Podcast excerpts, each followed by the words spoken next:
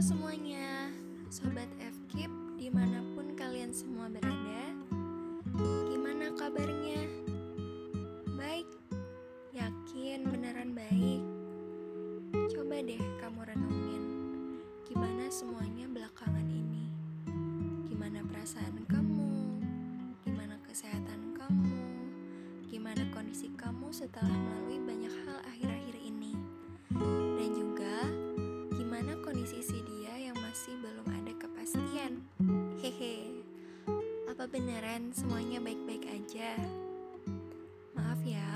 semisal aku malah ngebawa kamu kembali mengingat hal-hal yang kurang menyenangkan itu.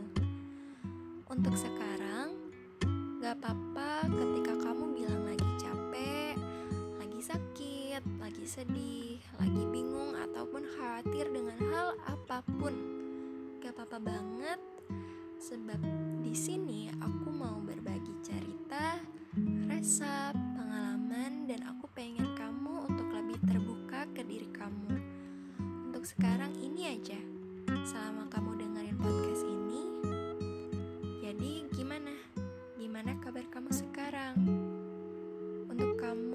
yang sedang terlilit masalah, putus harapan, atau kamu yang berada di keadaan yang monoton dan sulit untuk keluar dari zona nyamannya, aku cuman mau bilang, sorry ya, untuk gak ada di sana nemenin kamu, ataupun dengerin semua keluh yang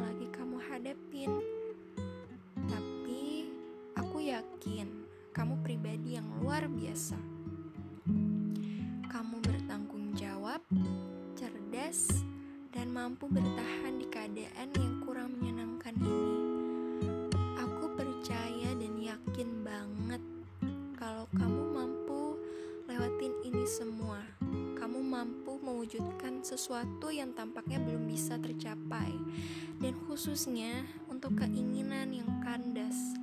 Aku percaya Sang Pencipta sedang menyiapkan kejutan terbaik untuk kamu. Untuk kamu yang sedang berada di keadaan yang baik-baik aja, aku turut bahagia dengan segala hal menyenangkan yang kamu alami dan kamu hebat sudah berhasil mendapatkan hal-hal baik itu. Kamu pribadi yang hebat sudah mampu melewati derasnya badai untuk mencapai itu semua. Oh iya sobat FKIP, aku boleh tahu sekarang kamu lagi berada di semester berapa? Untuk kamu yang baru banget memasuki semester 1, selamat datang ya. Gimana PKKMB-nya kemarin? Semoga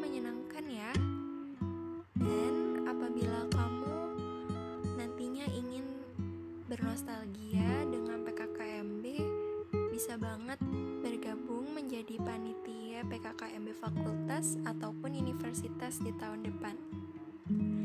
Dan apabila kamu udah tertarik dan sedang merencanakan untuk join, aku seneng banget deh dengernya.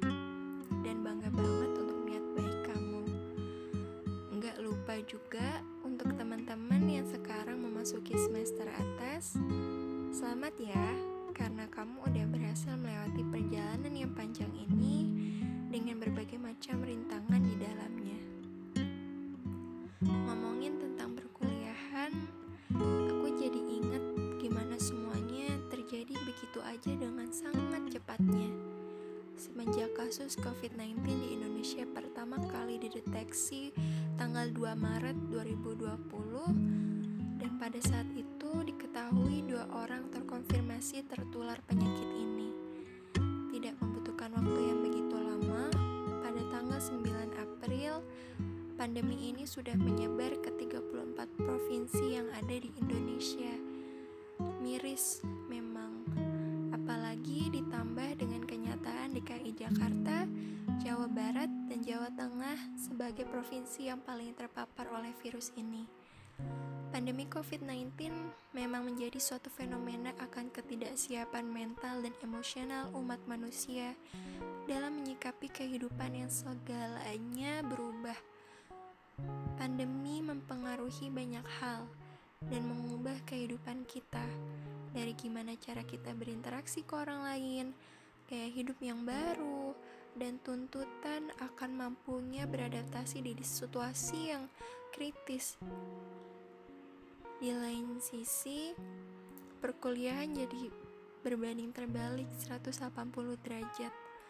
Bagaimana tidak, pandemi COVID-19 nyatanya berdampak pada dunia pendidikan, sambil membawa tantangan baru bagi para pengajar, mahasiswa, dan semua elemen di dalamnya.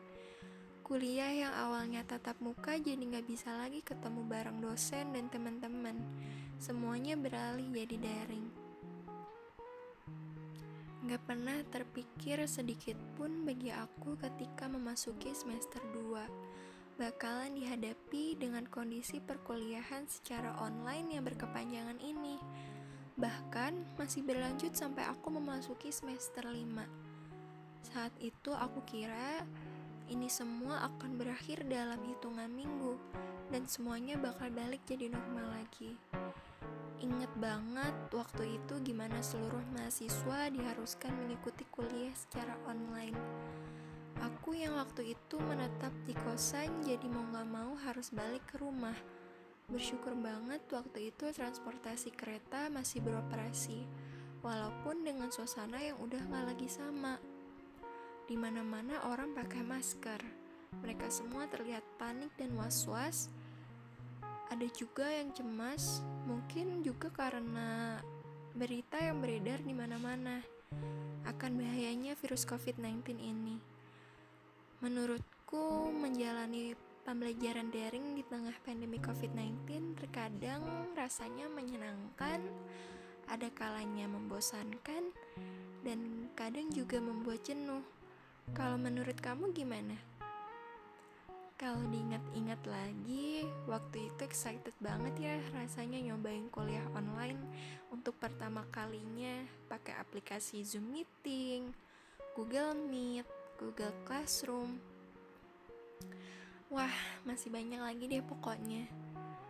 Kuliah secara daring tentunya nggak lepas dari yang namanya kuis, tugas, ujian yang semuanya serba online waktu itu juga sempet ngerasain rasanya video call berdua bareng dosen untuk tes dadakan terkait salah satu mata kuliah yang rasanya waktu itu deg-degan banget. Oh iya, aku juga mau sharing sedikit tentang kosan yang waktu itu aku tinggalin selama berbulan-bulan semenjak pandemi berlangsung bersyukur banget kepada ibu kos yang sangat baik hati dapat memaklumi kondisi pada saat itu dengan memberi keringanan biaya untuk kosan. Terima kasih ibu kos. Hehe. Namun karena kondisi yang enggak menentu akan kapan waktunya kuliah bakal balik offline lagi, akhirnya aku memutuskan untuk berhenti ngekos dan packing semua barang yang ada di kosan. Setibanya di rumah ibu kos, sempat kaget banget ketika pamit dan hendak membayar sisaan dari pembayaran yang belum terlunasi. Ibu kos dengan tegas menolak dan mengikhlaskan semua uang itu. Gak nyangka banget deh. Di balik banyak orang yang waktu itu berlomba-lomba naikin harga masker, di lain sisi masih ada orang yang dengan rela nyisihin sebagian rezekinya untuk ngebantu orang lain di situasi yang padahal lagi kritis ini. Setelah memakan waktu kuliah online yang begitu lama, rasanya hal-hal simpel dan sederhana jadi sangat dirindukan.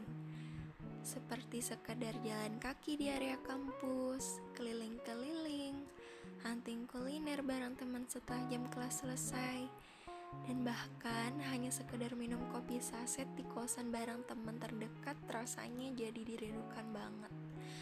Ngomong-ngomong, menurut kamu apa hal yang paling banget kamu rinduin dari kuliah offline? Dan teruntuk kamu yang belum pernah ngerasain rasanya ngejalanin kuliah secara offline, apa sih hal yang bikin kamu penasaran atau hal-hal yang paling bikin kamu excited pengen kamu rasain di perkuliahan offline nanti kita hebat ya bisa ngelaluin ini semua Dari harga masker yang tiba-tiba naik jadi 10 kali lipat dan akhirnya bisa balik normal lagi. Dari yang enggak terbiasa pakai masker sampai kalau keluar rumah rasanya nggak pakai masker jadi ngerasa aneh banget. Dari yang asing nggak pernah dengar apa itu aplikasi Zoom sampai paham banget dan terbiasa ngoperasiinnya.